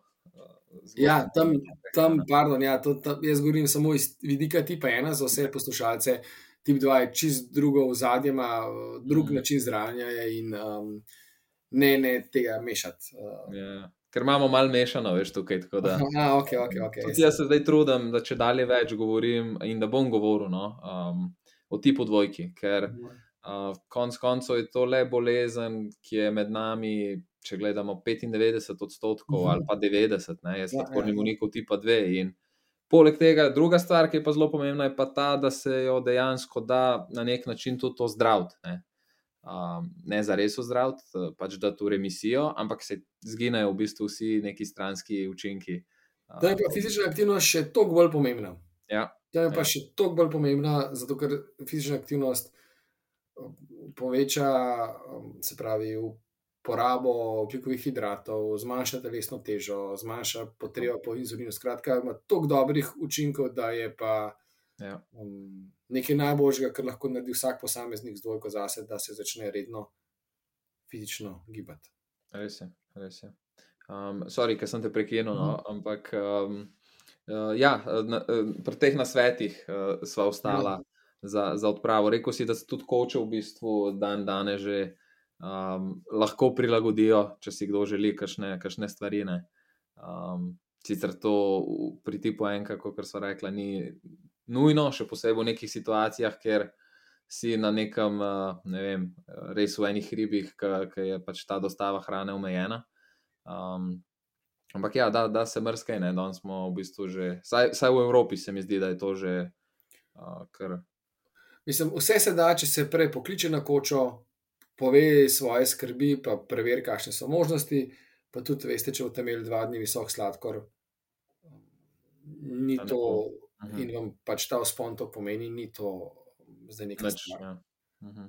Um, Um, prej si en res dober nasvet dal, bi tudi še enkrat ga, ga potrdil, da, da kar ne imajo za 8 hipoglikemij rezerve sabo. Boljše več kot manj. Pa predvsem, um, če vas skrbi, pa če imate glukagon, če se je zdravnik za to odločil, ne, naučite svoje prijatelje, kako se to uporablja, oziroma zdaj tudi ta inhalacijski, um, Mhm. ta inhalacijska oblika. Kako se to uporablja, povejte, da vam lahko sladkor pade. Aha, še neka stvar. Mhm. Če grem plezat, ima vedno pripomoček za dve ali pa tri ali pa celo štiri hipoglikemije moj soplezalec. Če Ah. slučajno meni pade ruzak dol. Ne? A, Ja, med plezanjem imam neki v stenah, imam neki pri sebi v žepu, neki imam v flisu, mhm. pa ne ponavadi se tako, da imam flis gor, pa neki v ruzaku, neki pa so plezalca. Ne se pravi, če mi ena stvar pade dol, pa mi še se ni to zgodilo, ampak um, ja, enkrat pa v bistvu sem, sem pa pozabil na vrh strilovske stene, sem neki dajal ven iz ruzaka in sem, sem po pomotoma pustil vrečko s sladkorjem. Edino vrečko. Oziroma, imel sem še rezervno vrečko in pol na poti dol sem imel hipoglikemijo, celo dve. Pri drugi sem imel srečo, ker sem ene srečo, če ne bi ostal čist brez sladkorja, še za zadnje pol ure, ne, ker si nisem smel prvoščati in sem srečo in sem jih prosil in sem dobil pol neko sladko pijačo. Tako da sem imel še rezerve za eno hipoglikemijo Ja. ki bo pa kar neprijeten občutek, ki si tam sred, vse veš, da prijatelj te ne bo pustil, ampak ja, jih Ja. loči s prstom, hipoglikemijo skrči zaradi neke lastne neumnosti. Ne. Mm. Meni se je tudi, eh, lahko povem, zgodil. eh, Dvakrat sem že bil tako le, blizu tega, da mi res vsega zmanjka. Oziroma, enkrat mi je že čez zmanjkal, pa sem bil dosti blizu avta. Ampak Aha. jaz sem doskrat neumen. Um, vedno se tako izide, prvo, nimam toliko prijateljev, ki jih zanimajo hribi, Mhm. drugo pa gremo v takih terminih, na srečo mi moje delo in vse dopušča, da gremo v terminih, ko ni gužve v hribih, Mhm. uh, da se nekako izognem med tednom in take stvari. In grem sam doskrat, ne, Mhm. ker je zelo. Tega res, to, to je prva stvar, ki bi komu svetoval, ki ima sladkorno, da gre v paru, pač, uh, oziroma z ekipo. Ker um, sem imel dvakrat res, res um, zelo traumatično izkušnjo. In, in že po noč, recimo, hodil do avta, brez sladkorja, in, in Uf, uf, ja, ja. telefonom si svetu, in je bilo grozno, no? um, res ni bilo lušno. Tako da um, to, to je mogoče en, še moj nasvet. No? Vedno, se to si že ti prej poudaril, ampak bom jaz še enkrat povedal, da to ni hec, da ne hoditi sami. No? Um, Tako da, ja, pa, pa te rezerve, krat 8. Jaz sem jih imel za 3, recimo, kar je bistveno premalo. ne. In glih takrat se je zgodilo, da pač mi je trikrat cukor padel. Mhm. Um, Ja, pa pol tudi se odločimo, a ne, kdaj obrniti, kje smo počutili varni. a ne. Malo gledamo časovnico, kako napredujemo, koliko smo že porabili. a ne. Če imamo full hip, pa vidimo, da bomo še polovico poti do kočeja, pa mogoče se ostavimo, mm, pejmo raj dol, imamo zalogo v avtu, uh, koga po poti lahko prosimo tudi za pomoč. ja. Tudi treba poklicati gorsko reševalno, če ne veste, kaj pa kako pa bomo bojo oni prinesli nasprot. To, um, so tle ljudje, ki vam lahko pomagajo in bodo to naredili uh, z veseljem. Ne zato, ker ste vi v stiski, ampak zato, ker imajo oni potrebo po tem, da vam pomagajo. Mm. Ja, mislim, definitivno um, lahko ne pomagajo gorski reševalci, če bi prišlo do nekega najhujšega scenarija. Seveda, tudi če bi se razloži sladkorja situacijo. Ne? Ja, če bi sladkorja zmanjkalo, se pokliče, pove, zakaj se gre. Bodo zrihtali ali s helikopterjem, ali peš, tiste opcije, ki bodo, to se odločajo pač tisti, ki so dežurni, eh, pa zdravnik. Tako da takrat, um, ampak ne, to ne bo razlog za vašo Ja. slabo pripravljenost. ne. To so Ja. izjemne situacije. ne. Ampak ja. vsem, se pravi, če do tega pride, um, so tam gorski reševalci, ki vam bodo prišli na pomoč. Tako da um, tudi, tudi za take stvari, če vam recimo zmanjka inzulina, zmanjka um, z- ne, če vam črpalka crkne. Ja. Za, Mm. za to smo tu, tudi mi. Super. Um, da mi povej, kakšne, zdaj, ki se bližava koncu no, um, tega pogovora, kakšne imaš kaj načrte za prihodnost? Kaj, kaj se kaj plete v tvoji glavi? Vidim, da imaš rad izzive, no? to smo danes vedeli vsi. Tako da, definitivno nekaj se bo uh, odvilo. Uf, um, zdaj sem še potem, ki je bil ta festival al, alpinizma, ki je za me precej uh, zahteven, uh, psihološko, in se potem še malo reguliram. Tako da um, neko imamo v načrtu, ok, neko plezanje za teden dni čez novo leto, to pa je to, drugih ciljev, takih oprijemljivih ni, je kar nekaj idej. Um, ene povezane z športnim plezanjem za slepe, z tečajem, uh, druge povezane z, z, z mogoče nekim manjšim potovanjem po Evropi, plezalnim prihodne leto, ampak to je to. Nobenih velikih planov v tem trenutku sem, sem, iz, sem malo izpraznjen in imamo malo pauze, zdaj da se. Ampak tudi to niso mehki plani, no. uh, te stvari, ki si zdaj opisal. Um, ne ti ne zmanjka, zmanjka idej, no. ti sam ustvarjaj na tak način, kot ustvarjaš, um, pomagaj na tak način, kot pomagaš, čim dalj, ker um, zaradi tega sem te tudi jaz nekako najdel in si mi pomagal uh, na tak način, kot sem že prej povedal. Um, in, in super, da si, da delaš to, kar delaš. Um, tako da verjamem, da, da si danes tudi mogoče odprl kakšno uh, novo dimenzijo, kakšnemu poslušalcu.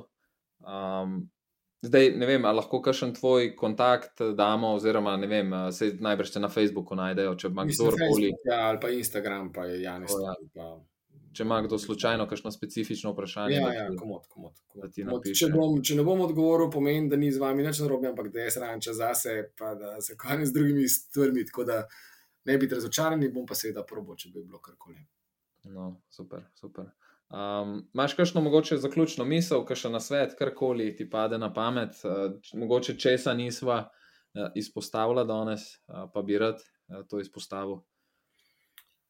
Zdaj le sem jih utrnila, ko si to rekel. Um, jaz sem sladkorno um, imel, jaz sem sladkorno do, doskrat, pa še vedno doskrat gledam kot na neko danost, ki mi je ki mi je pomagala spoznati čudovite ljudi, tako na pediatrični kliniki, kot na UKC Ljubljana, um, neka prijateljstva, neka znanja oseb, ki jih drugače ne bi imel. Um, to no. Ja, in da je vas to lepo mislijo tudi uh, zaključiti. No. Uh, jaz sem se imel fino danes. Um, ja, jaz tudi, dobre debate. Dobre debate bova, bova še, še up, mislim, lej, če ne drugega, bova pa ne uradno, oziroma nadaljevala. Kajšno rekla. No. Um, res, res mi je bilo všeč, da smo se po dolgem času uh, tako le slišala, pa tudi nekaj naredila spet za to skupnost diabetikov. No. Da, hvala ti še enkrat. Ja, tudi te hvala za povabilo. Uh, res me veseli, da skupaj delamo za skupnost. Um, pa srečno vsem, ki poslušajo. No?